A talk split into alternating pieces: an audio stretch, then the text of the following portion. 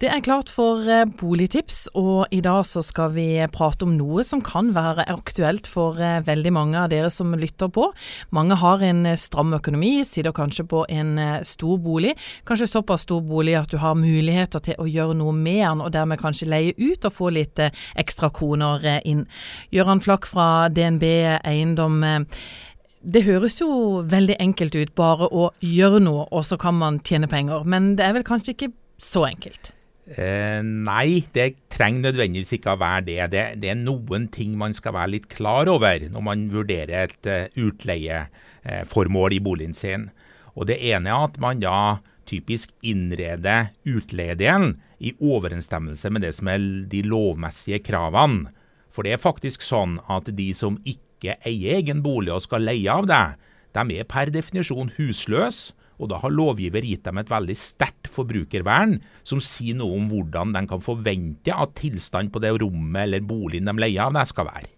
Hvordan skal en eh, si, utleiedel være? Hva slags eh, krav er viktig å tenke på? Tre veldig viktige krav som plan- og bygningsloven sier når man skal ha utleie i, i en, i en, til, til beboelse. Og Det ene er det som er veldig lett å forstå, nemlig rømningsmuligheter. At man har en bolig som man med sikkerhet kan vite at blir det branntilløp, så kommer man greit ut fra huset. Eh, så er det to andre hensyn, og det er mer komforthensyn. Litt som jeg starta med å si, at man skal være sikker på at man bor komfortabelt. Og Det ene er lyd. Så det kan være vanskelig faktisk på en eldre bolig å tilfredsstille de lydmessige kravene som er i lovgivningen.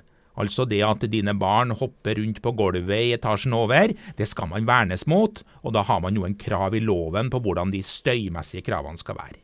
Og det siste, det er liksom luftmengde. Altså et, en, en, en, bod som gjøres om til et soverom, men har et veldig lite areal, kan vise seg å ikke ha tilstrekkelig luftmengde til at det blir en komfortabel bosituasjon. Så Det var de tre kanskje aller viktigste hensynene når man gjør en endring på bebyggelsen. Og så er det vel også sånn at det er kanskje ikke bare å sette altså Én ting er å sette i gang, men dette skal vel også godkjennes? Ja. og så Hvis man etablerer en såkalt selvstendig boenhet, hvor man har egen inngang og en familie bor helt atskilt fra din egen bolig, så er det enda strengere krav som du er inne på.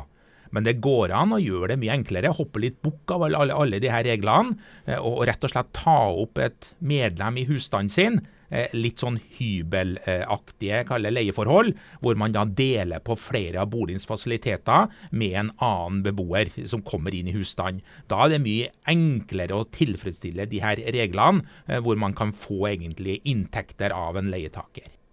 Vi snakker i dag om det å eh, gjøre klar en del av boligen vår til en utleiedel, og dermed kanskje få noen ekstra inntekter inn i eh, familieøkonomien. Og Gøran Flakk fra DNB Eiendom, nå har vi snakka litt om hva slags krav det er til, til det, den delen man eventuelt skal leie ut, men så er det jo også dette at man skal leie ut til et uh, menneske man kanskje ikke kjenner. Hva bør man tenke på? Eh, man bør først og fremst ha en kontrakt. Og, og Får man tak i en sånn standard leiekontrakt, så er veldig mye ivaretatt av de situasjonene som kan oppstå. Men eh, noen forhold skal man tenke litt over. og Punkt én, sjekk referanser. Prøv å finne ut litt om vedkommende og vedkommendes behov for bolig og bruken, eh, og ikke minst evnen til å betale for seg. For det vil være kjedelig å bruke noen penger til tilrettelegge, og så viser det seg at inntektene kommer ikke, for vedkommende har ingen vilje til å betale. Så, så i stor grad prøv å, å, komme i en situasjon hvor det ikke blir spørsmål om vilje til å betale, at man har fått sjekka at evnen er til stede. Og husk, du, du, du må leie ut i en kontraktsform i minst tre år sa noe om det sterke forbrukervernet. og Igjen ser vi det, at lovgiver har sagt at skal du først inngå en, en, en avtale om utleie av, av uh, beboelse, ja så er avtalen tre år. Ja, for det var veldig nytt for meg. Mye kan jo selvfølgelig skje underveis her i et uh, leieforhold, men at man faktisk har krav på tre år, Det er kanskje ikke så mange som vet det? Nei, og det tror jeg er helt riktig. Og, og så er det jo full avtalefrihet, så gjennom på en måte leieperioden kan man jo gjøre eh, i, i, i, frivillighet eh, og, og, og, samarbeid eh, andre avtaler. Men er det en, en, en, et, et, et, utleieformål som er en familieleilighet, så er kravet tre år. Så er det litt annerledes hvis man har veldig små og deler rom med husstand. Så har man litt andre typer regler. Men utgangspunktet tre års leiekontrakt.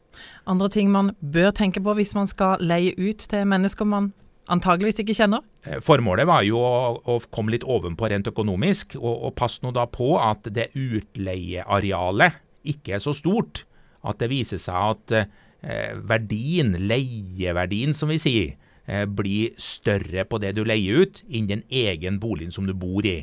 For kravet i skattelovgivningen er at du selv skal bebo det husværelset eller eiendommen som du leier ut, og at utleieverdien er lavere på det du leier ut enn det du selv bor i, ja da er det ingen skatt.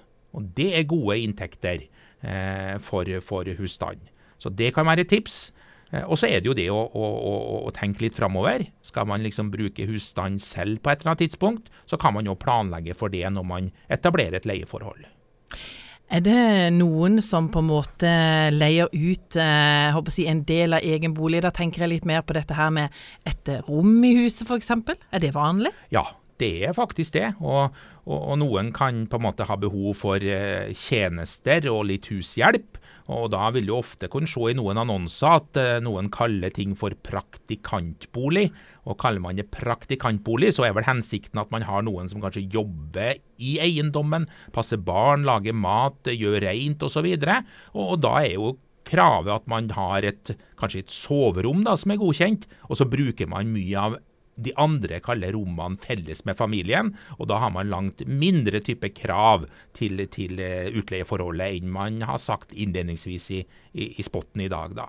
Men Er det stor etterspørsel i eiendomsmarkedet etter boliger med utleiedel? Ja, jeg vil si det. Eh, og Spesielt når man etablerer nye boliger òg, så er det mange som ønsker å tenke litt framover og bygge for framtida. Kanskje bygge større enn det lommeboka tillater. Og Da er det en, en, en flott ting å, å kanskje da ta høyde for en leietaker og få gode inntekter. Og senere i livet og utviklingen, når man har behov, bruke hele huset selv. Men i perioder eh, baserer det òg på å ha litt leieinntekter, så det er ikke dumt. Er det eh, mye boliger på markedet med hybler eller leiligheter? Ja, det er faktisk det. Og, stadig flere tenker litt sånn som vi indierne med. At man etablerer en endring over tid. Barna kan jo bli så store at huset blir så stort at de flytter ut. Og så har man en anledning til å føle at man har en nytte av den store boligen med å ta opp andre kalle eh, personer som kan bebo sammen med, med, med familien. da.